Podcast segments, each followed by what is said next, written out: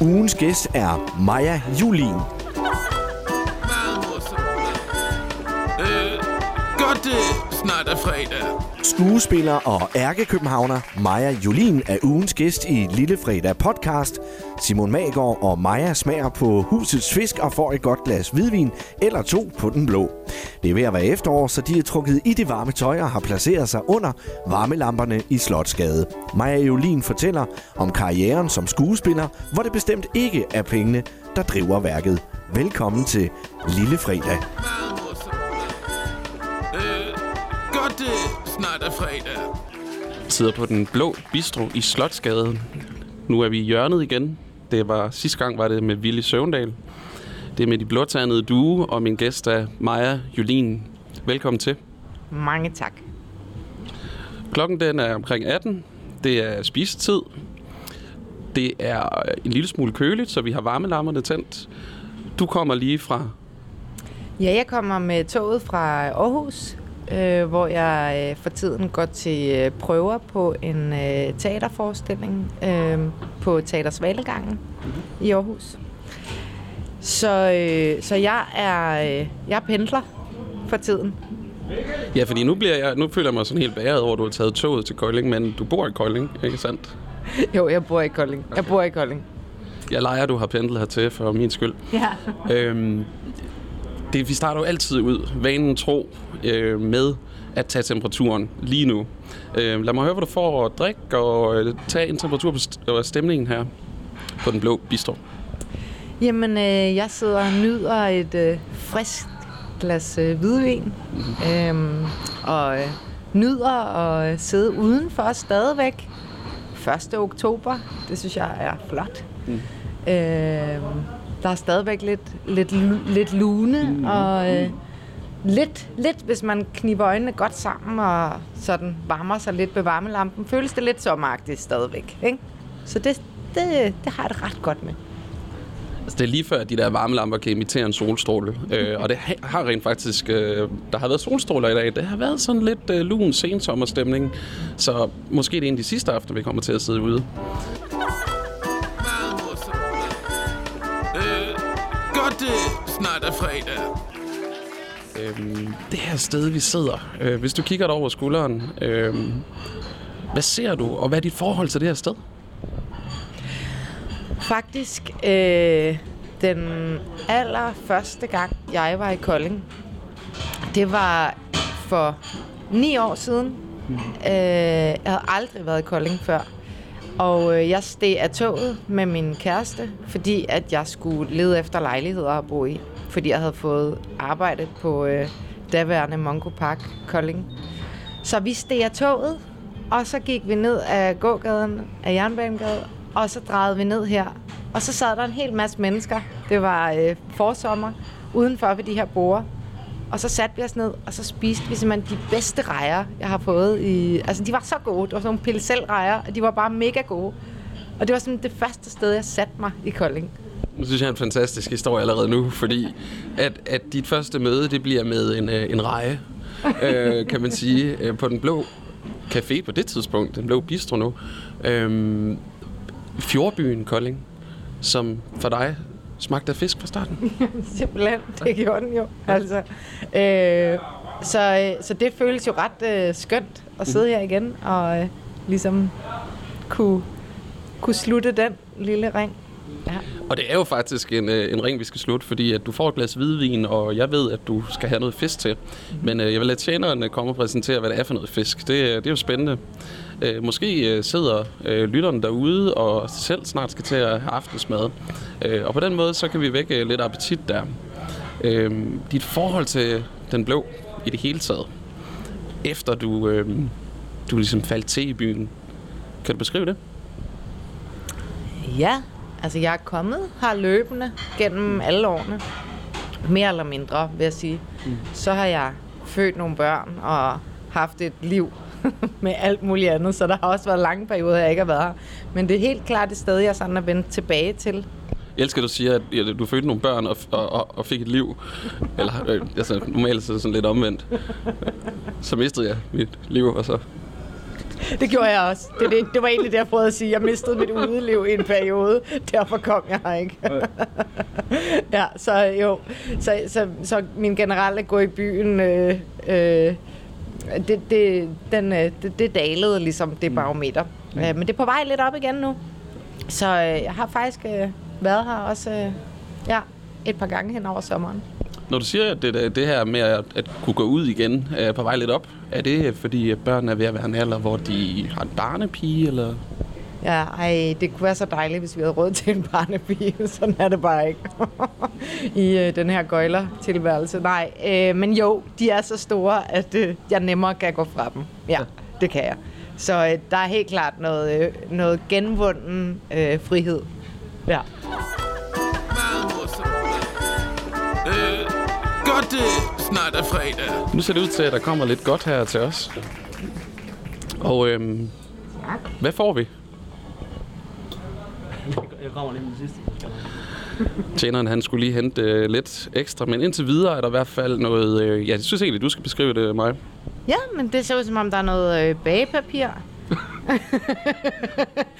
en firkant med bagepapir, som jeg går ud fra, at der ligger et eller andet lækkert inde i, men jeg kan faktisk på nuværende tidspunkt ikke se, hvad det er. Du har fået en madpakke med andre ord. Jeg har fået en madpakke, dagens anden madpakke. Det ser virkelig, virkelig eksotisk ud. Og så har jeg fået en lille salat ved siden af, som ser rigtig god og crispy ud. Mm. Ja. Så. Og lige sådan lidt en efterårssalat, der er lidt kål i. Øh, ja, lidt råt. Så crispy, som du siger. Og nogle Kapers. græskarkerner og noget... Ja, ja, ja, jeg ved ikke lige, hvad det grønne er, men øh, det ser salatagtigt ud. Og jeg får jo vanen tro øh, de her chips, den blå bistro chips, som jeg er blevet ret øh, stor fan af. Øh, specielt den her lyd, som jeg lige vil øh, præsentere. Øh, jeg tager lige noget af det her, det her dip. De ser også gode ud. Må godt smage. Må det? Selvfølgelig. Ej, det vil jeg gerne. Jeg tager lige lyden på dit øh, crisp. Ja, ja, ja. Jeg vil se, om man kan overgå dit. Ej, du overgår allerede. Du overgår fuldstændig, fordi du spiser med åben mund.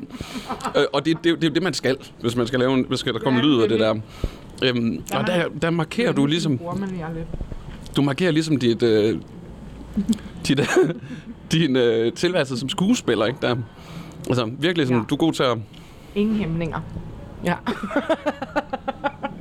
Nej. Nej, jeg får Fedt. faktisk tit at vide, at jeg smasker og kommer til at spise med åben mund.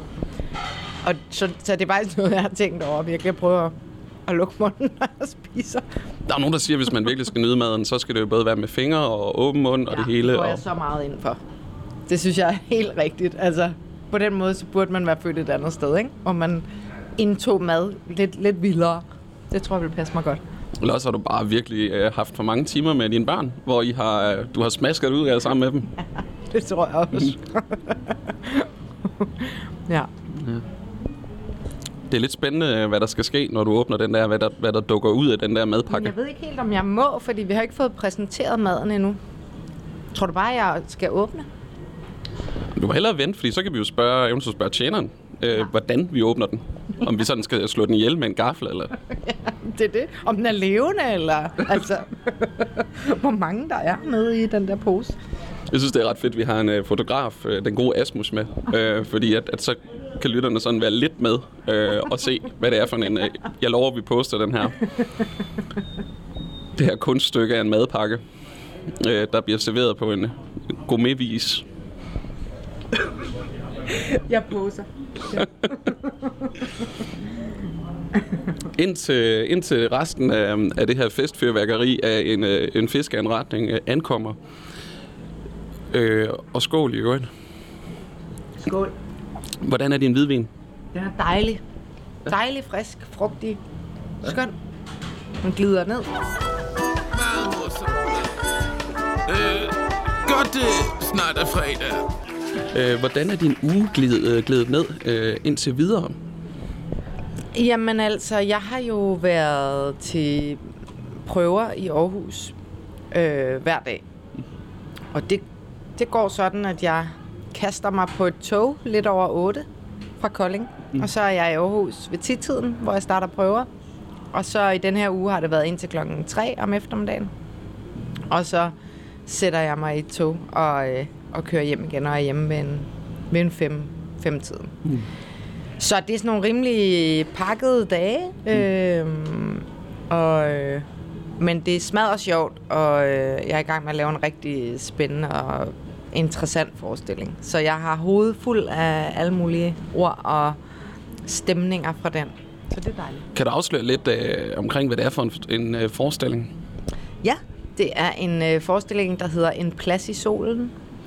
Og øh, det handler, den handler om, øh, ja, altså man kan kalde ham Danmarks første terrorist. Øh, Kai øh, Botilsen Nielsen. Øh, han, han bliver også kaldt for den aarhusianske massemorder. Oh. Ja, og han... Øh, så det, det er egentlig en øh, forestilling om 2. verdenskrig. Nej, det lyder virkelig tørt, men det er det altså ikke. øhm, det, det handler om ham, som var øh, Kai her, bor i Aarhus, ung øh, nazist, og vil rigtig gerne have lov at kæmpe på fronten for nazisterne. Mm-hmm. Og han bliver simpelthen kasseret, fordi han er for lille og for rødhåret og for svag og for astmatisk og alt muligt. Så han ender med øh, i slutningen af krigen at komme ind i en gruppe, der hedder Petergruppen. Øh, og de arbejder for tyskerne. Det er nogle danskere, der arbejder for tyskerne. Og øh, nu får vi noget mere mad. Ja, lad os lige øh, pausere det her, fordi der kommer nu her de her klassiske grønne oliven, som jeg er blevet rigtig glad for. Tak for det. Og du venter stadigvæk på Jamen, et jeg tror, eller jeg andet. skal gå i jeg tror egentlig også bare, du skal åbne den. Ja, det tror jeg også, jeg skal. Så kan du stille og roligt fortælle videre imens. Ja, det gør jeg. Jamen, øhm, de, de, der, der er så øh, nogle gutter, unge nazister, som øh, danske nazister, som kommer med i den her Peter-gruppen, som, hvor de kommer til at arbejde under for tyskerne, og skal lave det, der hed på det tidspunkt modterror. Fordi tyskerne anså modstandsbevægelsen i Danmark for en terrorbevægelse. Mm. Så de skulle lave modterror. Så de i slutningen af krigen ender med at myrde en masse mennesker og øh, sprænge halvdelen af Guldsmedgade i Aarhus i luften.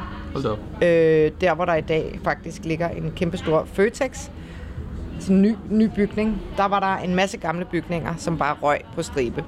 Øh, det er sådan den største, ja, sådan en kæmpe bombesprængning, der har været. Det er jo mega, mega action-packed i virkeligheden. total action Helt vildt. Altså, jeg kommer til at tænke på, når det er teater. Ja. Fordi, hvordan man skaber en eksplosion, for eksempel. Det må være ret interessant. Jeg, jeg er sådan en kæmpe, kæmpe fortaler for eksplosion på film. Jeg elsker brag og bang og bum. Og, Ja. altså derfor så har jeg jo også noget med action. Hvem har ikke det? Ja. Øhm, kan, det øhm, kan det gøres realistisk? Nej, altså, eller jo, det kan det. Mm. Øh, det kan det. Øh, men, men teateret er jo ikke film. Og når teateret prøver at være film, så synes jeg ikke, det... Altså, jo, det kan man også godt. Mm. Men jeg elsker, når teateret står for at være teater og teatralsk. Og have den højnedhed, eller det løftede, eller... Så alle de her øh, likvideringer og alle de her øh, bombesprængninger og sådan noget, det, er, det foregår ret stilistisk på scenen. Øh, så der er både noget med noget, øh, selvfølgelig en masse lyd, øh, og så er der en masse stiliserede billeder og øh, mennesker, der falder i slow motion og øh, øh, øh, ansigtsudtryk, og der er kun én pistol med i forestillingen. Men det må så være på skærmen, fordi man kan jo ikke i teatersammenhæng falde i slow motion. Det kan man da. Vi er jo skuespillere. Okay, det, det er vi simpelthen nødt til at se. Øh, og og, og øh, jeg, jeg har lyst til at spørge dig, Maja, inden du øh, indtager den her øh, middag. Kan, øh, vil du, inden du går i dag, illustrere falde i slow motion for mig? Det vil jeg gerne. Det vil det, det vil Ja, du det vil jeg rigtig gerne. Fantastisk. Jeg glæder mig sindssygt meget til.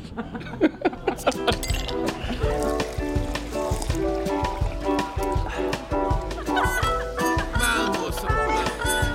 Øh, godt det snart er fredag. Ah ja. Der er oliven, der er ristede mandler, der er øh, crunchy chips. Øh, jeg, jeg tror, de frityresteg dem. Ja, hvordan er salaten, og hvordan er den mad, du sidder og får? Jamen, øhm, altså helt vildt god. Nu åbnede jeg jo madpakken. Og indeni er der altså meget, meget lækker fisk og øh, kviste og æbler og øh, nogle løg og noget, noget... Altså alt muligt godt. Det er virkelig lækkert. Det er virkelig, virkelig lækkert. Jeg nyder det. Så provinsen kan, kan godt levere øh, lækker øh, fisk her. Og det leder mig til det næste spørgsmål. Mm. Øh, og det, øh, der skal vi øh, ni år tilbage, mm. tror jeg. Mm.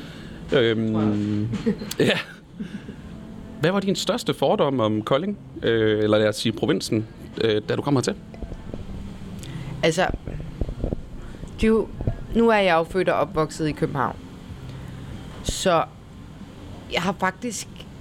Det er så sjovt, det der med, sådan, når man har en fordom. Det havde jeg jo. Men mest af alt var jeg bare lidt ligeglad. Altså, mest af alt havde jeg ikke taget stilling, egentlig, til provinsen. Øh, andet end kedelig, tror jeg, hvis jeg skulle sætte en eller anden overskrift Men er det ikke sådan lidt typisk af københavnere? Så typisk. At altså, der er et eller andet sted derovre øh, øh, i Jylland, øh, langt, langt væk fra alting. Ikke? Ja. kører nogle traktorer rundt, og øh, de, de, de på en eller anden måde, de forsyner øh, København med nogle råvarer. Jamen, helt sikkert. Og, øh, og jeg er jo et konservativ alle sammen. Altså, eller venstre. Og så kom jeg til en venstre kommune. Nå, lad nu det ligge. Ja, det var det jo rent faktisk på den, øh, det tidspunkt, fordi det havde det været i 12 år efterhånden. Jamen, det er det. Ja, ja, det var det. Så det bekræftede jo også bare min fordom.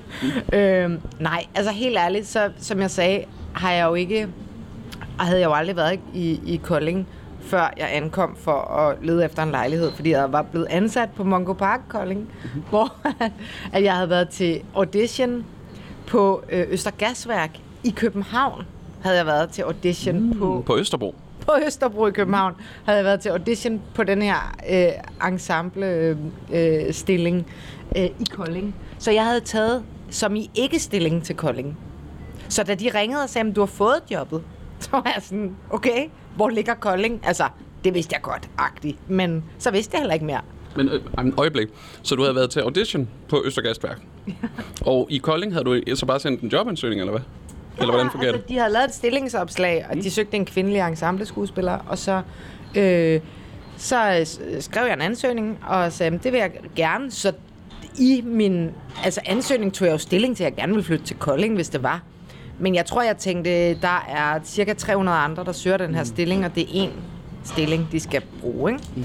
Så nu gør jeg det, fordi det vil jeg gerne. Og jeg, det skal siges, at jeg har altid gerne vil være en del af et ensemble. Det har været sådan en drøm for mig. Og et ensemble, til dem, der ikke ved det, er øh, at være en del af et teater, hvor du er en fastansat skuespiller, ikke løst ansat, som vi ellers meget ofte er. Så at være fast på et sted og være med til at præge mm, de ting, der sker på stedet. Det har jeg altid haft lyst til. Men ville du det, bliver nødt til at spørge, ville du det virkelig med hjertet, da du søgte? Fordi du siger, du var 300 ansøgere, du var rimelig sikker på, at det blev ikke dig. Og du øh, havde været til audition inde hos, øh, var det ja, Morten Grundvald, der, der sad på... Øh, Nå, nej, nej, nej, nej. Altså, det var, nej, nej, det var bare, de holdt det på Østergasværk, men det var okay. ligesom øh, Muki Simon Trolin, som var chef her på det her tidspunkt, mm. og ensemblet her. Så det var de rigtige mennesker herfra, som jeg var til audition hos. Men, men jo, det ville jeg. Altså, okay. det ville jeg. Og på det tidspunkt i mit liv var jeg sådan, jeg var lige kommet ud af teaterskolen og havde haft et år, hvor jeg var- havde været freelancer, og jeg ville bare arbejde igennem.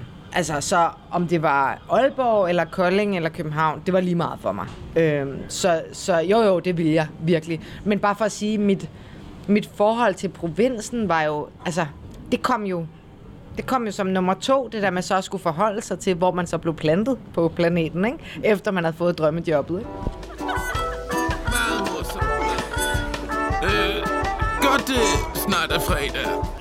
nu her efter ni år, i, øh, altså med Kolding, som både arbejdsplads, øh, du flyttede hertil på et eller andet tidspunkt. Det gør jeg, da jeg blev ansat. Okay, med det samme. Ja, jeg flyttede til med det samme. Ja. Øhm, Smager det ved jer? Det smager så dejligt. Det var godt. Ja. Rigtig lækkert, som altid. øhm, jamen altså, så, når du, nu her, når du har boet ni år i Kolding, øhm, oplever du stadigvæk at blive be- eller, be- eller afkræftet i nogle af dine gamle fordomme om provinsen? Ja. Det gør jeg. Hvordan præger det din hverdag? Ja, man skal sige, den allerførste forestilling, jeg lavede, da jeg lige var flyttet til Kolding, den hed Vi hader København og det var jo så vildt ironisk og vildt sjovt. og jeg skulle spille den dumme københavner, der ikke fattede noget. Øhm, om Kolding og provinsen. Øh, og, øhm, øh, og der gik vi simpelthen i kødet på alle de fordomme. Så det var ret sindssygt at få lov til at starte ud med øh, at skulle lave en forestilling, der handlede om det clash. Altså storbyen versus øh, provinsen. Så vi dykkede simpelthen ned i det og hæv alle vores egne fordomme op af tasken og øh, øh, prøvede at lave en forestilling, hvor vi ligesom afdækkede begge øh, sider og, øh, og på en eller anden måde det handlede, det var jo sådan en romantisk komedie, der handlede om, at øh, fyren fra provinsen tak for min, øh, mødte den her københavner øh, pige, som han så forelskede sig i. Mm. Og de fandt så hinanden på trods af alle de her uoverensstemmelser, de havde. Mm. Så det var jo den her sådan forsoningshistorie. Mm. Øh, så så jeg, jeg føler egentlig, at øh, jeg har forholdt mig rigtig meget til det at være københavner i Kolding. Og så kan man sige, så kom jeg også til, og jeg følte meget, at de første år, jeg boede her, nærmest hver gang jeg gik ind i en butik, så var der en eller anden, der sagde, Nå, du er der i hvert fald ikke herfra. Hvordan kunne, hvordan kunne du se det? Det er man nødt til at vide. Hvordan, hvordan øh, øh, stempler man? Nå, men det var, det var, når jeg åbnede munden. Okay, så okay det var per, per det var dialekt. Ja. Men mm, det må jo nærmest have været terapeutisk, kommer jeg til at tænke på, fordi tænk sig at få lov at lave, starte med en, en ensemble-sammenhæng og være med til at præge en forestilling, som faktisk handler om at på mange måder flytte hertil. Det var helt genialt. Ja. Altså, det var meningen, de skulle have lavet den her forestilling med en jysk pige, og så ansatte de mig, og så måtte de ligesom lave konceptet om. Okay. så, øh, så ja, det var, det var ligesom øh, en vild fed måde at starte på for mig. Øh, og altså, nu, nu har jeg jo boet her i ni år, og øh, det er jo blevet mit hjem. Det er jo det, der sker, når man bliver længe nok et sted. Øh, og man kommer til at holde af alle de der ting, som man ikke kunne holde, holde af i starten.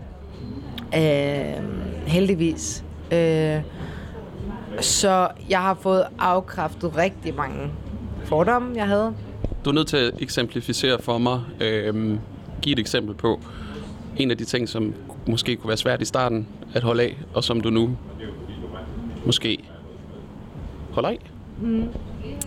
Jamen altså, jeg har meget haft det sådan med, med udbuddet, altså at der var så lidt af alting. Øh, det der med, mm, hvor er kulturen? Der er ikke nogen kultur. Øh, hvor skal jeg gå hen? Øh, at være skuespiller i den her by er, kan være ret hårdt, fordi der er ikke særlig mange, man kan spejle sig i. Øh, og der foregår ikke andet end det, man selv laver. Ja, det gør der, og, og det, det gør der, men ikke særlig meget i forhold til, hvad jeg var vant til fra København, hvor jeg kunne gå ind og se forestillinger, når jeg ville. Men øhm, så øh, gik jeg, blev jeg nysgerrig og gik ud og så det, der var. Også selvom det var noget, jeg tænkte, jeg ikke havde lyst til at se, så så jeg det alligevel. Hvad kunne det være? Det kunne være at tage op øh, på Koldings øh, øh, teater, i teaterforeningen, op ved Kområdet, mm-hmm. og se en eller anden øh, øh, forestilling fra Folketeateret, som jeg tænkte var øh, øh, øh, alt for folkelig og kedelig for mig. Mm-hmm. Og så synes jeg, det var dejligt. Øh, og, og elskede, at det fandtes, og at det var der, og at jeg kom ud af min lille boble, at det skulle være eksperimenterende, eller nyt, eller nyskrevet, eller sådan noget. Mm. Øh, og på samme måde har jeg haft det med øh, Trapholdt, altså det der med, når man, så har jeg måske ikke set en udstilling deroppe en gang, så har jeg set den samme udstilling fire gange. Altså, og, og hvad sker der så, når man gør det? Det kan, det kan virkelig noget. Øh, Det, det må du simpelthen forklare for os her, fordi det er jo den vildeste reklame for provinsen, du laver ja, her. det er det. Ej, ja, ja, og, og ro på med det. Men, men jeg tror bare, altså det er jo også stemt også ind i alt det her corona noget, ikke? Mm. Det der med at få øje på det, der er lige foran dig. Mm. Øhm, og ikke altid skulle ud. Altså før i tiden skulle jeg ligesom til øh, andre store byer, når jeg holdt ferie, ikke? Mm. Øh, en, altså København eller andre store byer rundt i verden, ikke? Mm. Øh, og nu er der kommet corona, og så skete der ligesom det, at vi var nødt til at blive, hvor vi er. Og så prøve at opdage, hvad der så er. Og jeg lidt på samme måde har jeg haft det med at flytte til Kolding. Øh, at, at hvad er der så her? Og det kan jo det, at når du ser en udstilling en gang, jamen, så oplever du noget. Mm. Når du ser den en gang til, så lægger du jo mærke til noget mere og noget andet. Eller du er i et andet humør den dag. Mm. Så du oplever det anderledes. Det er jo også derfor, jeg altid siger til folk, når jeg laver en forestilling, så altså hvis du har mulighed, så gå ind og se den to gange, eller tre gange, fordi den er anderledes. Både fordi vi spiller den anderledes, mm. måske lidt, men også fordi du er forskellige steder de forskellige dage, du ser den. Øh, godt, det snart er fredag. en kur mod vores tid, som er meget omskiftelig, øh, diffus. Øh, den er præget af rigtig mange indtryk, og vi bliver mættet. Øh, kunne det være at flytte til provinsen og opleve nogle ting øh, to eller tre eller fire gange? Jeg ved ikke, om det er kuren. Medicinen. Nej, det ved jeg ikke. Men det kan i hvert fald noget at flytte sig ud af sin comfort zone, ikke? Mm. Og gå ind i noget andet, som man ikke troede, man kunne relatere til eller identificere sig med. Og det tror jeg bare er generelt for os mennesker, at, at hvis vi aldrig pusher os selv et andet sted hen, end der, hvor vi plejer at gå rundt, mm. så, så tror jeg ikke, at vi oplever eller lærer lige så meget. Men det kunne så rent faktisk godt være for at binde sløjf på det. Det man plejer, øh, som er mange indtryk og alle muligheder, der kan det modsat være, at man gør det, man plejer flere gange, så man faktisk gør det, man plejer. Ja. Mm. Jamen, ja, det var, det var smukt sagt. Skal vi ikke skåle? Hvordan går det med maden? Det går også dejligt. Det er lidt svært at nå at spise, når man ja. ævler så meget, som jeg gør. Ja. Så tror jeg, jeg vil, øh, jeg vil snakke lidt. Ja. Det er jo sådan, at øh, for at køre lidt meta, jeg, jeg tager altid øh, for mange spørgsmål med. Øh, og det er jo for ikke at løbe tør.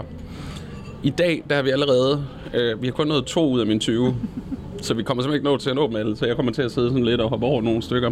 Nå. Og se, er der nogen, der er, der er bedre end andre, det er der helt sikkert.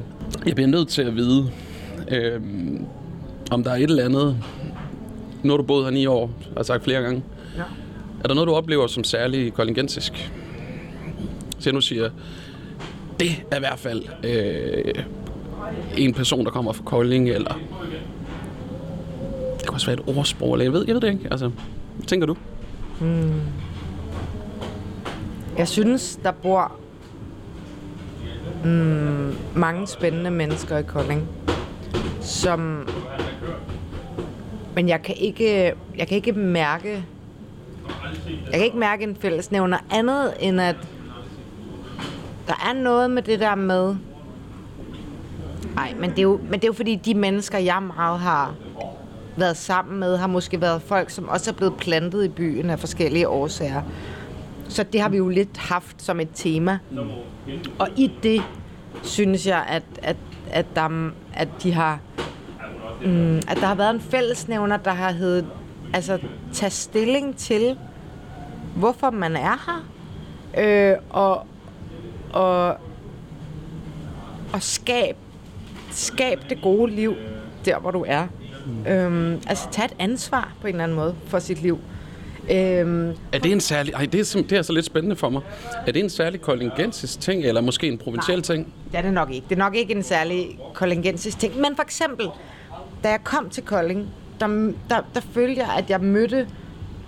Altså, det har både været enormt svært om, at, at flytte til byen. Og det er ikke sådan, at jeg føler, at alle har stået med åbne arme. Men jeg, jeg følte alligevel, at der var nogen andre, som spottede mig rimelig hurtigt og sagde, uh, du er også en af de der newbies. Øh, vil, du, vil du komme til middag hos os? For vi er også sådan nogle newbies. Mm. Og det synes jeg var så smukt. Altså, og det havde jeg aldrig. Det tror jeg aldrig, jeg ville have oplevet i København.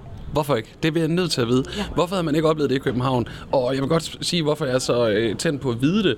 Øh, Jeg kan jo godt opleve København, når jeg kommer som øh, jyde øh, fra provinsen, som en lille smule overfladisk. Jeg tænker, det er så fedt, og sikkert en masse indtryk. Jeg elsker at være der for en kort stund. Det kan være en weekend eller en uge, hvor jeg skal sidde og arbejde på noget. Øh, men jeg tænker jo, øh, lige fra når jeg kører på cykel derovre, øh, og bliver overrumplet af folk, der råber og skriger hinanden, ja. eller folk kigger ikke hinanden i øjnene på gaden.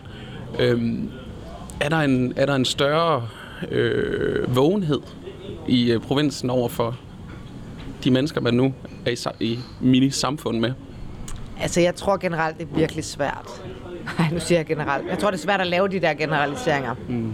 Øh, fordi det handler så meget om, hvilke miljøer du kommer i også. Og det tror jeg, det gør i alle byer. Mm. Men, men jeg synes, der er en anden...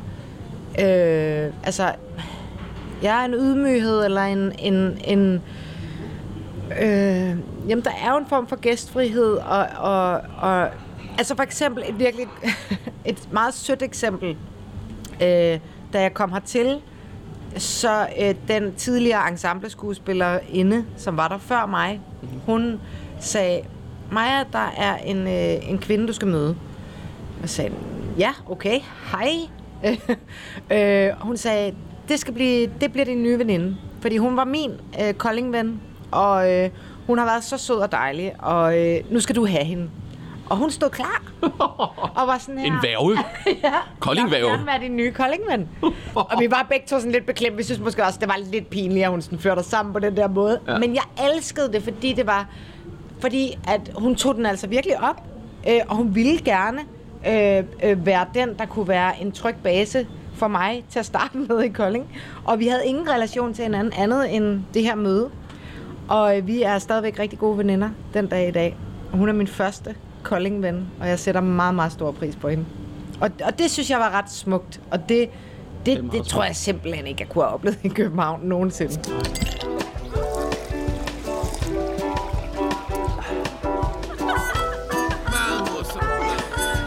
Øh, godt det snart er fredag. Maja Jolin, du er ved at have tømt din madpakke. Ja. Ja. Snart så, så går du sikkert i kødet på mine chips. Og Det skal du, Ja, ikke? det skal du være velkommen til. De er rigtig gode. øhm, jeg har tænkt mig at skyde nogle, nogle øhm, sådan fire forholdsvis hurtige spørgsmål, og den håber, du vil svare sådan rimelig kortfattet på det, Ja, øhm, som handler om din tid på Mongo Park. Ja. Nu værende Kolding Ejns Teater. Ja. Vigtigt. Kan du fremhæve en forestilling, hvor du følte et særligt vellykket synergi øh, eller samhørighed med publikum? Samhørighed med publikum. Åh, ja. Ej, ja. Det er, er så svært at vælge en, ikke? Mm. Altså, jeg har jo lidt min, min darling. Ej, jeg har jo mange, men, men øh, da vi lavede Anne-Marie Gif Karl Nielsen, øh, mm. om Anne-Marie og Karls, Karl Nielsens parforhold og liv. Det var på mange måder sådan en meget øh, øh, mod alle odds vellykket øh, proces og, og, og, og, og ret vild forening af ting, synes jeg, der gik op i en højere enhed. Det var, det var, en, det var sådan en, en smuk oplevelse for mig at være med til. Øh, og det, øh, det, det oplevede jeg også, at, at den gik ind under huden på publikum. Men ellers så synes jeg, der altså, har været mange, hvor jeg har haft måske mere publikumskontakt, end jeg havde i den. Mm. Men jeg tror, jeg oplevede, at der var en stemning i rummet med den forestilling, som var ret... Ja. Hvordan tager man, øh, hvordan tager man øh, temperaturen på sådan en stemning i rummet? Hvordan mærker man, om publikum virkelig er engageret? Øh, altså en ting er, når de klapper med, synger med, bevæger sig, når der er fuldstændig stille. Øh, hvad, er dit, man kan sige, hvad er dit yndlingsmoment i, i hele den pamflet af, af, af muligheder? Du beder mig om, om at vælge imellem virkelig, virkelig svære ting nu, ikke? Fordi det, altså, nej, det jeg godt kan lide, det er jo, at jeg kan mærke, at folk er, øh, at, at det rammer dem, og det siger dem noget, og det, de kan mærke det. Altså, vi har jo lidt den, den klassiske øh, udfordring, og det er øh, øh, kvinden, der tager sin, hiver sin mand med i teateret, og så sidder han og kigger på uret øh, flere gange i løbet af forestillingen. Ikke? Altså, når det ikke sker, så er det virkelig dejligt, ikke? Øh, altså, jeg elsker jo, når, når, når, når jeg kan mærke, at folk er der, fordi at, at de er åbne for at høre en, en fortælling, og, øh, og, og, og stiller sig selv til rådighed for også at lade sig påvirke. Øhm, og det synes jeg, folk gør for det meste. Mm. Øhm, så jeg synes, jeg har haft ekstremt mange gode oplevelser med det. Øhm, Hvad er den mest grænseoverskridende rolle, du har spillet i din tid på Mongo Park Teater? Altså, da jeg fik at vide, at jeg skulle spille Pia Kærsgaard, der tror jeg, altså, jeg døde af lykke, samtidig med, at jeg døde af redsel. Altså, jeg tror, jeg havde sådan en øh, virkelig... Øh, altså, jeg, jeg synes, det var så skægt, at jeg skulle det. Og så Hun er jo den vildeste superstar i dansk politik. Det er det godt. Det er hun. Altså. Altså. Jamen, det er hun jo. Og det vidste jeg jo godt. og jeg elskede, at det skulle det. Øh, og, og hun har været mit hadeobjekt nummer et, altså hele min ungdom. Mm-hmm. Øh, så øh, det var så sindssygt at stå og trykke hende i hånden, da hun kom og så forestillinger. Hun stod med tårer i øjnene og bare var så lykkelig og glad. Wow. altså, det var... Jeg har et billede fra det der møde. Øh, og jeg, jeg, jeg, jeg tror nok, det var det, altså noget af det vildeste øh, for mig. Det kan jeg virkelig, virkelig, virkelig godt sætte mig ind i. Ja. Øhm, jeg bliver nødt til at spørge, øh, efter at man så giver hånd, og hun er tydeligvis øh, berørt af, af den forestilling, hvor hun er øh, i centrum. Øh, hvad er det for en situation, når man taler man sammen, og hvordan foregår det? Jamen, det gør man. Og, øh, og altså, jamen, hun var jo enormt sød, og hun var jo så glad. Og, og vi havde jo nogle scener omkring hendes barndom med, som hun virkelig, altså jeg kunne se, de berørte hende virkelig. Øhm, øh, øh, og, og det takkede hun også for. Øh, og, og, øh, og, og sagde, ej, jeg kan huske, hun sagde, åh, min mor, hun ville vende sig i graven, hvis hun havde set det her. altså, jeg havde virkelig gjort indtryk på hende, ikke? Øh, og hun havde tydeligvis stadigvæk noget med den mor der. Mm. Og, øh, og, og, det var egentlig følelsen af, jeg havde jo også brugt øh, sy- syv ugers prøveforløb på at lære det her menneske at kende. Jeg havde læst hendes biografi. Jeg havde, øh, jeg havde virkelig forsøgt at sætte mig ind i hende. Mm. Og det gik egentlig lejende let. Altså, jeg kunne sagtens forstå hende. Og, og jeg tror, altså, jeg tror egentlig, at det, jeg tænkte på den anden side, det var, wow, altså, hvor vildt, at jeg kunne ende med at få så mange mm, øh, gode følelser for det her menneske. Mm. Øh, godt det snart er fredag. Så hun er ikke hængt som, som på din teenage-væg, som, som sådan en form for idol. Øhm, men derfor er det jo også syret for mig at høre, at, at det var nemt for dig at sætte dig ind i, øh, og faktisk være i rollen. Øh, men, men det er jo fordi, du er en, er en dygtig skuespiller. Øh, derfra til at møde et menneske i virkeligheden. Øh, hvor, hvor, hvordan er den overgang?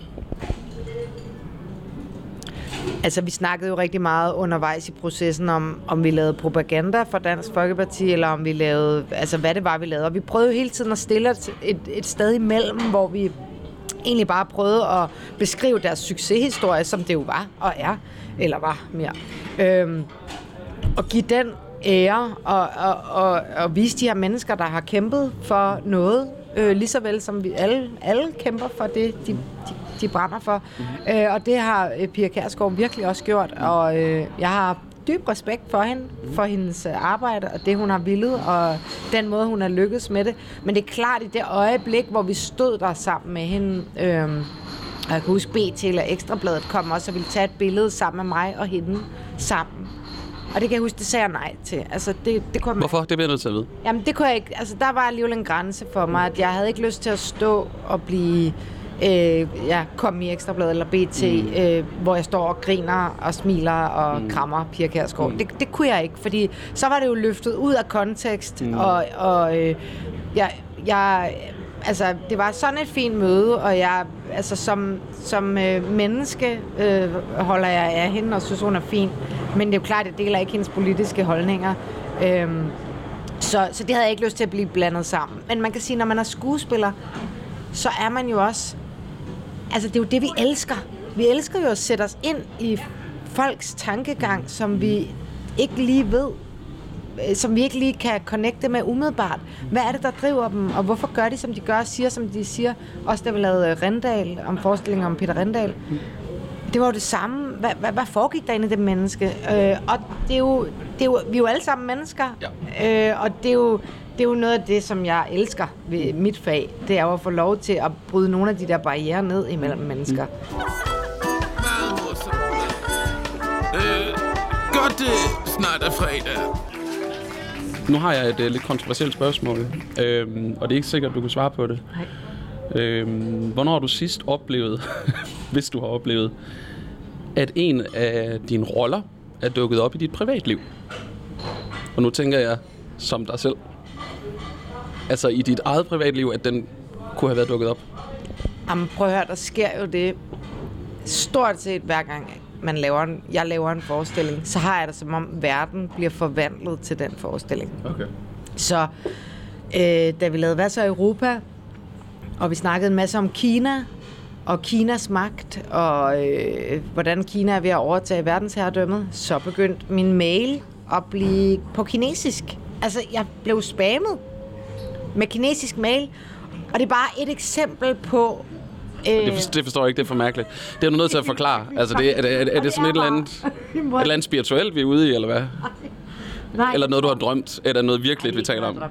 Det er ikke noget, jeg drømte. Okay. Altså, jeg, jeg, jeg, vores mails, interne mails på holdet, da vi lavede den her forestilling, lige pludselig, så stod det på kinesisk.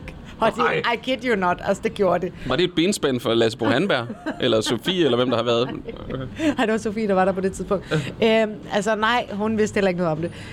Øhm, og det er jo det, det er måske det, et af de mere udtalte eksempler, men for eksempel da vi lavede øh, øh, Anne-Marie Gift Karl Nielsen, og øh, det handlede om, at de skulle få deres parforhold til at gå op med at realisere deres kunst og med deres børn, og alle de der skænderier, de havde. Så både Frank og jeg var jo på hjemmefronten sådan her, okay, men det kan vi jo sagtens genkende, alt det her. Så altså, jeg har det jo nærmest sådan, hver eneste gang, jeg laver en forestilling, er der jo et eller andet, hvor at jeg føler, at jeg bliver til det, jeg laver, eller jeg er det, jeg laver, eller fordi, at vi jo arbejder ned i de her menneskelige, almen menneskelige aspekter hver eneste gang. Om det så er Pia Kærsgaard, eller øh, øh, øh, altså øh, en 2000-årig gammel øh, Europa, eller hvem det er, man spiller, så, så er der jo... Det handler jo om at finde det genkendelige, og det, som vi alle sammen kan stemple ind i. Mm. Så ja, jeg har haft vildt mange af sådan nogle oplevelser, hvor jeg har mødt det, rollen, øh, når jeg også er gået hjem. Fordi jeg prøver mig selv. Det gør vi jo. Ja. Ja. Jeg synes, det var et dejligt konkret eksempel med den der øh, mail, der pludselig forvandlede sig til kinesisk. Ja. Øh, næste spørgsmål. Øh, jeg, jeg ved ikke, hvordan jeg skal komme videre fra den, vi lige talte om. Øh, og så alligevel, øh, jeg kender godt lidt til det faktisk. Det har jeg lyst til at, at sige. Øh, det er lidt som om, at, at, at det, man søger, det nogle gange sådan, på en eller anden måde, det, man beskæftiger sig med, det bare bliver en del af ens verden. Det overtager. Øh, Spørgsmålet er, om det er en selv, der gør det, eller om det er en eller anden kraft ude i universet. Øh, det skal ikke handle om mig. Øh, så jeg vil- det også gerne. Må det? Ja. Nå, jamen så synes jeg, vi skal, øhm, vi skal skåle. Skål. Ja. Du tager et øh, lille glas vand. Jeg kan sige en øh, oplevelse, jeg godt kunne tænke mig at fortælle dig. Ja. Nu når du åbnede for, at jeg måtte øh, sige det. Ja. Øhm, jeg oplevede noget så vildt som... Øh, og jeg vil faktisk sige, i, i hele mit, øh, mit voksne liv... Øh, man kan jo diskutere, hvornår sådan noget det starter. Øh, men i hvert fald op igennem 20'erne, og specielt slut 20'erne, har jeg, har jeg haft oplevelsen af, at øh, når der er et eller andet, man, man gerne vil, så kommer det også til en. Øh, så kan man diskutere, hvorfor. Og der var et tidspunkt øh, i starten af det forløb, hvor jeg, hvor jeg var sådan lidt desperat, og alt det var ved at kollapse. Der var ikke særlig mange penge tilbage, og det var snart huslejetid. Øhm, hvor at jeg øh, simpelthen var nødt til at øh, sende en lille tanke ud i himmelrummet om, at øh, nu har jeg brug for noget hjælp. øhm, og så sker der det fuldstændig syret, som der stadig giver mig gåsehud. Øh, og det var, at øh, der gik nogle timer. Jeg kan huske, at jeg satte mig ned på biblioteket, og det var altid der, jeg fandt en computer, hvor jeg så kunne sidde og skrive lidt på det. Det hjælper altid for mig at, at skrive et digt, eller skrive, skrive lidt dagbog måske i virkeligheden. En klassiker. Da jeg så er færdig der og skal ned og handle, øh, og der var vidderligt næsten ingen penge på kontoen, så tjekker jeg lige min netbank, og så står der, jeg tror det var 1400 kroner. Og jeg går ind og trykker på den der øhm, med at spore, hvor pengene kommer fra. Der, der, er sådan, der er nogle tal og noget, men der står ikke, hvor det er fra. Og dagen efter, der har jeg fat i banken og spørger dem om, hvor kommer de her, hvor, hvor kommer den her mærkelige øh, sending af ressourcer pludselig til min konto, og de kunne ikke spore det. Og jeg har aldrig fået svar på, hvor de penge, øh, penge kom fra. Øhm, jeg ved ikke, hvor jeg vil hen med det, men, øh, men så alligevel, det er ud fra snakken om, at, at når man er i noget, og man virkelig går ind i det, så kan der ske en eller anden form for magi. Ja. Er det noget, Er det noget, du kan genkende, eller er det... Ja, det kan jeg sagtens genkende. Ja. Øh, jeg kommer til at grine, fordi jeg lige har hørt et øh, interview med øh, øh, Line Knudsen. Øh, og hun har det sådan helt øh, altså, øh, neurotisk og fuldstændig vanvittigt forhold til penge. At hvis folk taler om penge, så begynder hun at græde. Altså, hun har det så hæsligt med penge. Hun skal ikke bo i trekantsområdet. Nej, præcis, præcis. Og sådan noget med, at hun har ikke været inde på sin e-boks i otte år -agtigt. Altså, hun er helt lost case. Øhm, og og, og øh, det, det er bare det der med, altså, og det handler jo om, at hun har haft nogle traumer omkring at være helt vildt fattig, og øh, være, øh, være ikke at kunne få det til at løbe rundt, og så slet ikke kunne overskue at tage ansvar for det. Og jeg, jeg kom bare til at tænke på det, da du sagde det der. Men jo, jeg har, jeg har, jeg har også haft det sådan der traumatisk med penge, men jeg prøvede faktisk øh, at meditere lidt over det på et tidspunkt, hvor at, øh, at jeg prøvede at skrive på mine bonger, så prøvede jeg at skrive sådan noget, øh, det er fint, Altså, at jeg har haft den her udskrift, og det vil komme tilbage til mig på en eller anden måde igen. Altså gemte du bongerne, og, og, og du skrev med kuglepen? Ja, på bongerne. Okay, og har det haft en effekt? Altså, jeg har lige haft en, øh, en, altså et efterår nu her, hvor at jeg ikke er fastansat skuespiller mere, og ikke rigtig sådan, fremtiden er lidt usikker. Øh, og jeg vil sige, der er dumpet ting ind, som jeg virkelig ikke havde regnet med. Jeg, jeg synes, det er så vildt, det her, fordi det, vi sidder og siger nu, altså på en eller anden måde, hvis der er nogen virksomheder i trekantsområdet, som har haft lidt corona-ondt i røven, og som sidder så lidt, vi kunne, godt, vi, kunne godt, vi kunne godt bruge en indsprøjtning. Ja, de kan enten skrive på deres bonger, eller også kan de kigge ud i universet, eller de kunne ansætte en af os to som konsulent af deres Ej, virksomhed, og pludselig så fosser det ind med Ja, det underlige er beløb de skal gøre. fra øst og Ja, vest. mærkelige beløb, som de ikke kan spore. Ja. Øh, godt, det snart er fredag. Lasse Bo Hanberg, din, øh, din gamle chef. Øh, han, øh, han nævnte for mig da, her i sommer, ja. da jeg var nede og havde et, øh, en uge i Bertolt Brechts hus i Svendborg, og jeg inviterede ham over på et, et lille glas, ja. hvor han nævner det der med, jeg synes faktisk rigtig, rigtig fordi jeg prøver at sammenligne Fyn øh, med øh, Kolding, eller med trekantsområdet. Ja. Øh, nu er det så Sydfyn her i den her ja. sammenhæng. Øh, han nævner det her med, at, at ting går lidt langsommere der. Mm. Øh, der går lidt, altså fra idé til handling kan der, kan der være længere end her i trekantsområdet. Og det, han synes var fordelen med trekantsområdet, var, at, at, at ting bare kunne ske.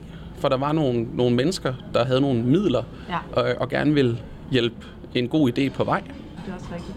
Har du også oplevet det Altså- i din tid på teatret? Ja, det ved jeg ikke lige, om Eller din tid i Kolding? Ja, nå, men, nå, men viben kan jeg godt genkende. Den driftige vibe. Ja, det kan jeg. Ja. Det kan jeg. Og at det ikke skal være så svært, og at det kan vi nok finde ud af.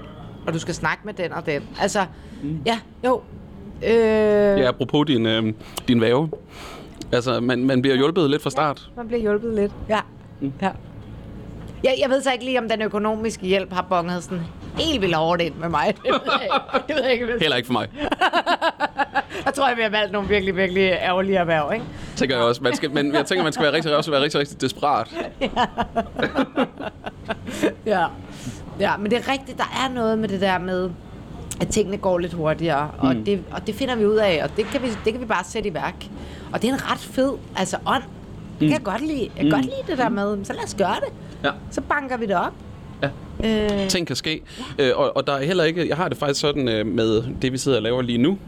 Det er jo også et initiativ, som på mange måder er mit eget, øh, i samspil med nogle folk, der siger, jamen, vi er jo egentlig en kommersiel radio. Vi får ikke nogen øh, støttepenge, så det er ikke øh, nødvendigvis, fordi du, du kommer til at få en hel masse for det. Øh, måske endda ingenting. Men du er velkommen til at gøre det. Vi sender det gerne, og vi, vi, vi støtter dig egentlig bare op. Vi kommer ikke til at kritisere dig, fordi øh, ting kan lade sig gøre. Øh, der er ikke noget, der er politisk øh, korrekt eller ukorrekt. Øh, selvfølgelig skal man jo ikke sidde og, og lave et eller andet program, hvor man sviner folk til på gaden. Men, øh, men der, er, der er på en eller anden måde en åbenhed, som faktisk øh, vokser ud af øh, det ikke at være... Undskyld, jeg siger, det er kun statsstøttet, for eksempel. ja, Ja. Jamen, det tror jeg da også. Mm. Der er en drivkraft i det. ja. Helt sikkert. Jamen det leder mig fuldstændig til mit næste spørgsmål, øhm, som er, øh, ser du en fremtid for teateret i en verden, som i virkeligheden bliver mere og mere kommerciel og digitaliseret. I den grad. Altså, i den grad. Øhm, altså, jeg tror ikke, jeg kan være det eneste menneske, som har oplevet en, en øh, Netflix-mætning eller en øh, digitaliseringsmætning. Altså, jeg, jeg var, altså, jeg var i Odense og se en forestilling, en udendørs forestilling i Slottsgården øh, i Odense her for et par måneder siden, og det var første gang, jeg ligesom kom ud og så en forestilling efter hele det her nedluknings corona, og jeg havde selv haft forestillinger, der blev aflyst, og altså det har været virkelig tørke, ikke? Det må have været skrækkeligt for sådan en som dig, Jørgen. Ja, ja, det var, det var meget mærkeligt. Øh, det var også dejligt. Det var også dejligt at blive lukket inde i en hule. Mm. Det, det var komplekst. Det var alt muligt. Mm. Men det der med at sidde lige pludselig der i Odense blandt andre mennesker, der også var gået ud måske for første gang i nogle måneder, mm. og sidde sammen og se en øh, komedie på udendørs teater under åben himmel og øh, med tæpper, og vejret var godt, og vi grinede til hinanden. Og altså, den der vibe, den, altså, jeg tror, jeg tror altid, vi vil længes som mennesker mm. efter at sidde ved siden af hinanden og opleve noget mm. sammen. Der er en grund til, at vi har fortalt historier til hinanden siden menneskeheden opstod. Altså. Siden vi sad om bålet. Det er det. Øh, og jeg tror også, vi vil blive ved med det. Og jeg tror, at øh, Facebook og alt muligt er kommet for at blive et mm. stykke tid i hvert fald. Øh, men, men jeg tror aldrig, det kan erstatte vores... Altså, der opstod jo et helt nyt øh, begreb under corona, der hedder hudsult. Ikke? Mm. Altså, vi har brug for, om det så er at røre ved hinanden, men i hvert fald at sidde ved siden af hinanden, mm. eller opleve hinanden live. Mm. Altså, det, det, vi, vi gider ikke flere Zoom-møder. Altså, så, så ja, teateret er kommet for at blive, og jeg er 100% sikker på, at uh, teateret overlever den her krise, og, uh, og kommer stærkt tilbage. Meget morsomt. Øh, godt, det snart er fredag. Når du øh, opdrager dine børn, øh, er det så øh, til at blive en del af underholdningsbranchen? Får de, får de den mulighed? Præger du dem i den retning? Ligesom dig selv? Mm, ja, det gør jeg jo nok. Ubevidst. Mm. Men jeg prøver ikke at gøre det. Nej. Altså, øh, nej. Nej, øh, egentlig så ønsker jeg, at øh, mine børn, de føler sig så frie, de overhovedet kan, til at træffe de valg, som de har brug for at træffe. Mm. Det er klart, øh, man kan jo ikke løbe fra, at øh, der bliver spillet meget guitar hjemme hos os, og øh, øh, når min treårige søn spørger, hvad har du lavet på arbejde i dag, mor? Så siger jeg jo spillet teater og leget og sådan nogle ting. Så øh, Synes de, synes de sådan ikke, det er useriøst, du leger på arbejde? Nej, det synes han er mega fedt. Det er jo ligesom han gør hen i børnehaven. Det er da overdrevet fedt. Ja. Nej, det er da vildt fedt. Øh, nej, det synes han er fedt. Men min øh, datter på 6, hun vil rigtig gerne være dyrlæge, når hun bliver stor. Og øh, mm.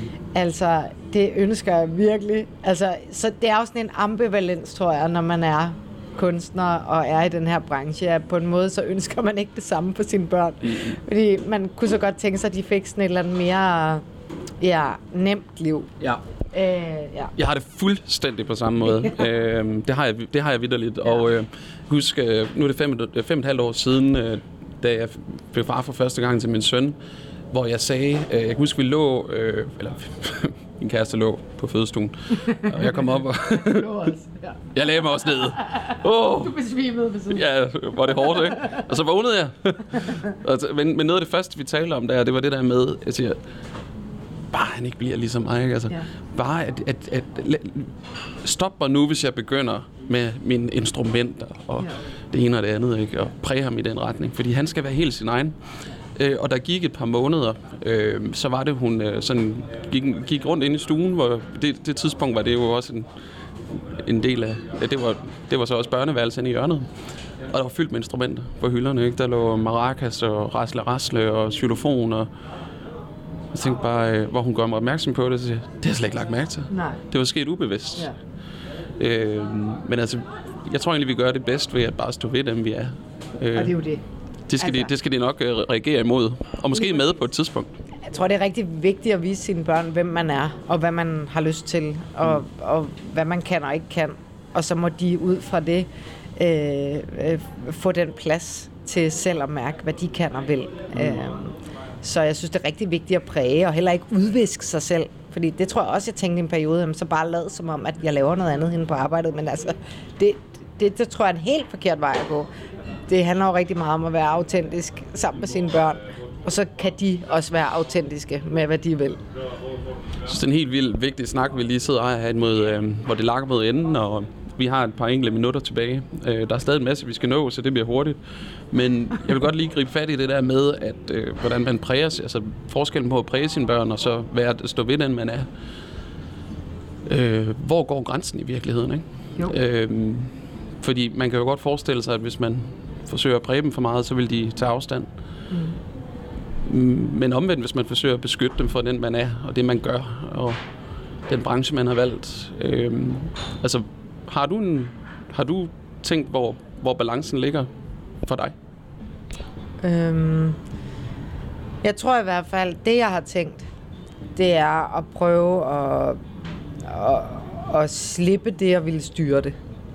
Altså, være sammen med dem der, hvor jeg er. Mm.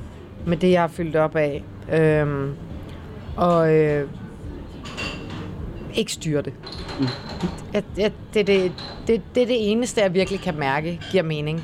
Altså, det handler om at være nærværende. Mm. Og hvis det at være nærværende er, at jeg går rundt og øver en tekst, jeg skal huske samtidig, øh, og få dem til at hjælpe mig med det, jamen så er det det nærvær. Mm. Øh, min far elskede at spille guitar, da jeg var lille, og det kunne jeg mærke, at han elskede. Mm. Så at sidde sammen med ham, der spillede guitar, var jo fedt, fordi jeg kunne mærke, at han elskede det. Mm.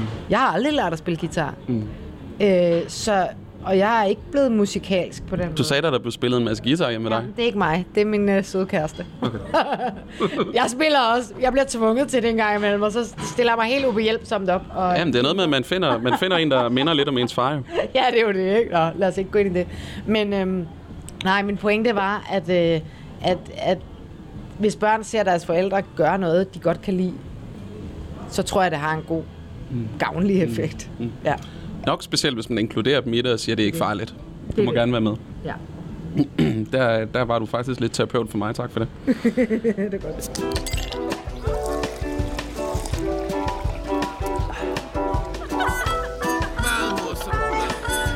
Øh, godt det snart er fredag.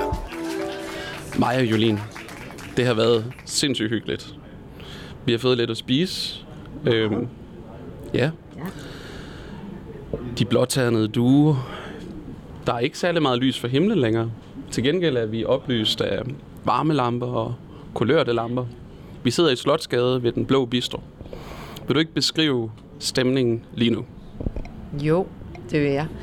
Jamen, øh, ja, mørket har sænket sig, og øh, stemningen er god, som du siger. Vi har, jeg synes, det har været enormt hyggeligt, og øh, det føles stadigvæk lidt sommeragtigt. Vi er sådan varme af samtalen, og øh, det summer stadigvæk i restauranten, og der er bare rigtig dejlig, dejlig stemning. Og øh, ja, jeg har fået et par gode glas hvidvin, og øh, vi har haft en rigtig hyggelig snak. Du har også øh, du har taget en sweater på, for det er trods alt 1. oktober, Det er det. dagen efter lønningsdag. Ah, ja. Og øhm, mens vi sidder her, og det er torsdag, det vil sige, det er lille fredag, det er jo programmets titel, så kan vi jo ikke komme udenom at tale om, hvad vil du bruge din fredag på, når du har fri? Hvis du for eksempel skulle gå ud i Kolding, ja, hvis det nu var, at jeg fik udgangstilladelse. Ja. jeg følte mere sådan, jeg satte dig lidt i bås, som om du havde tænkt dig at lave alt muligt, men så blev det bare i Kolding. ja. ja. Men hvis du får udgangstilladelse, hvad, hvor, hvad vil du så bruge sådan en fredag eftermiddag på i morgen? Måske skråstrej i aften. Altså, hvis jeg helt selv kunne bestemme. Uden inventioner fra, øh, intervention, øh, øh, fra både mand og børn. Ja. Så tror jeg, jeg vil øh, skynde mig i teateret. Jeg er ikke helt sikker på, at øh, jeg vil nå det, men jeg kan ikke huske, om de har sidste forestilling i dag eller i morgen. Men øh, på Odense Teater øh, og se en forestilling, der hedder Blue Jasmine, som er en Woody Allen-film, som de har sat op på scenen, og som spiller sidste gang. Jeg tror, det er i morgen. Mm. Øhm, og jeg er jo stor Woody Allen-fan. Øh, så, så jeg vil nok bevæge mig til Odense, hvis jeg havde sådan helt øh, udgangstilladelse. Men jeg tror, jeg, jeg føler, at øh, i morgen er en aften, jeg skal blive hjemme. Så hvis øh, at det nu er, at øh, jeg kender en øh, billig øh, barnepige, øh, og jeg kunne jo for eksempel invitere din, øh, din mand ud, øh, så kunne du jo tage toget direkte videre til Odense. Det er rigtigt, det kunne jeg. Mm. Det kunne være fedt, det vil jeg gerne. Helt klart. Altså, jeg... øh, Ja, det... øh, Jeg elsker at se teater. Det leder mig til mit, øh, mit sidste spørgsmål, inden at jeg øh, skal spørge dig, om du har taget et digt med. Men øh, inden det, øh, hvis du skal sende en skål ud frivilligt til et eller andet menneske, øh, og det kan altså være hvem som helst, øh, og det går hele verden rundt. Vi kan også køre nationalt, vi kan også køre lokalt. En eller anden, som du synes har fortjent en øh, udskænkning på vores regning her på Den Blå i morgen. Øh, hvem skulle det så være? Jamen altså... Altså...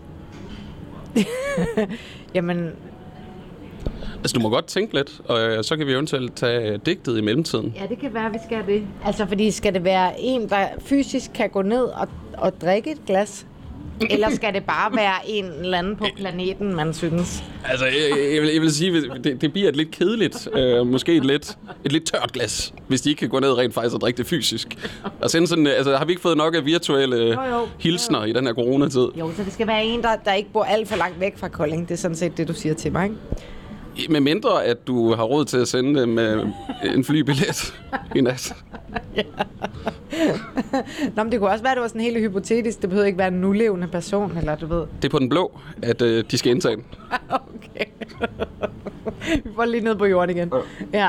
Men så synes jeg altså øh, på en måde, at, øh, at det skal være min øh, allerførste Kolding-ven, som skal gå ned og drikke sig et godt glas øh, hvidvin i morgen på den blå. Øh, min, min allerførste bedste Kolding-ven, og hun hedder Jette. Ja. Super. Øh, og det var jo hende, vi havde med i interviewet, som øh, introducerede dig for byen, og på mange måder var din væve. øhm, og øh, vi får øh, oplysningerne på efternavnet og eventuelt et nummer, så kan vi invitere hende. Nu øh, sker der noget lidt vildt, øh, og det er jo det, der er ved en podcast. Alt kan ske. Hvad, hvad er det, der sker øh, bag dig lige nu, ude på øh, Slottsgade? Jamen, der sker det, at der står en af de der, øh, man kan kalde dem by-originaler. Mm. Øh, jeg har boet øh, på hjørnet af Helikorsgade og Østergade i mange år, og der lærte jeg alle de her mennesker at kende. Øh, og blandt andet også ham her, der står og råber bag os nu. Det har lige været lønningsdag, og jeg tror, han har været ude og få sig en, en god, god brændert. En god gardin brændert. Lad os lige prøve at høre, hvad han har at sige til... Øh, Israel.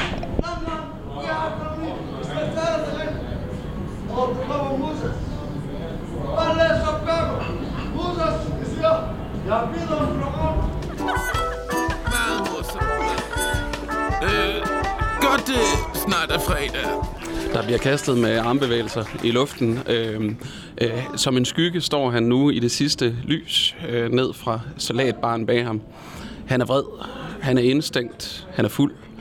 Øh, jeg synes, det er den perfekte kulisse. Det er jo nærmest som om, vi skriver os lige ind på scenen i et eksperimenterende teater. I det, at jeg vil bede dig øh, finde dine linjer frem til det her afsluttende digt, øh, som skal binde en lille sløjfe på vores udmærkede program. Jeg har virkelig nydt det. Ja, i lige måde. Jeg se, man kan finde det. Skal jeg sige, hvad det er fra? Ja, ordet er dit. Okay. Jeg øh, vil læse et lille digt op, øh, som er fra øh, en digtsamling af Federico Garcia Lorca, øh, som hedder Sonetter om den mørke kærlighed. Sonetos del amor oscuro. Det kunne næsten ikke passe bedre. Øh, den øh, vedkommende, som lige har råbt af os, var det ikke på spansk i virkeligheden? Det, jeg kunne ikke helt fange sproget, han råbte på. Men lad os sige, at det var spansk. Det er Guds vilje. Ja, det er Guds vilje. Ja. Øh, Skal jeg bare læse det op? Et digt. Ja. Et digt. Uden nogen forklaring. Du må, du må gerne øh, forklare det inden, men ikke efter. Det er benspændet. Okay. Så hvis du har et par øh, ord, du, du vil øh, knytte på, så gør det nu. Okay, det vil jeg gerne. Øhm, øh, digtet hedder Sonet om brevet, og øh, jeg mm, holder rigtig meget af det, fordi at det for mig handler om kærlighed, men ikke nødvendigvis den nemme kærlighed. Den komplicerede øh, øh, kærlighed, som vi alle sammen gerne vil have i vores liv, men som også volder os en masse kvaler. Mm. Og det kommer her. Sonet om brevet. Mit livs elskede, levende død. Forgæves venter jeg dit skrevne ord. Jeg tænker, med blomsten, der visner, at skal jeg leve uden mig selv, vil jeg hellere miste dig. Luften er udødelig. Den ubevægelige sten kender ikke til skygge og undgår den ikke. Det indre hjerte har ikke brug for den frosne honning, der flyder fra månen. Men jeg udholdt dig. Sønderrev mine åre over din lænd. Tiger og due. I en kamp på bid og linjer. Så fyld da mit vanvid med ord. Eller giv mig lov at leve i min sjæls klare nat og evige mørke. Wow ja. Jeg fik faktisk øh, et hul i maven, da du læste op. Det er længe siden, jeg har haft den oplevelse. Øh, det er den måde, jeg, jeg sådan mærker kunst på, det er, når jeg får den der... Jeg sidder altid lige over navlen et sted, solar plexus, mm. eller derimellem. Øh, huh, øh, jeg er jo en, jeg er jo en øh, ordmand, så så den sad, øh, lad mig sige det på den måde, øh, for lige at komme ud af den øh, med respekt for digtet, øh, fyldt af mit vanvid med ord. Øh, det vil jeg gerne sige tak, fordi du gjorde. Og tak, fordi du gjorde det let. Øh, for det gjorde du vidderligt. Mit vanvid øh, fik ord. Øh, og vanvid er vel et præmis i begge vores brancher. Et sidste spørgsmål, jeg er nødt til at stille. øhm, kan ord være med til at afhjælpe vanvid? Ja. Altså, det er det korte svar. Ja, det kan det. Der er en grund til, at vi skriver dagbøger. Der er en grund til, at vi skriver digte. Der er en grund til, at vi skriver dramatik. Der er en grund til, at vi forsøger at kommunikere via ord. Også verbalt. Øh, vi, vi har brug for at mærke hinanden gennem ord. Lad det være ordene. Øh, og hvis det ikke er nok, så start øh, podcasten forfra. Tak for deltagelsen. Majolin, det var en stor fornøjelse. Tusind tak, fordi jeg måtte komme. Skal vi slutte med at skåle? Ja, lad os gøre det. Skål. Og rigtig god øh, lille fredag. Tak, i lige måde.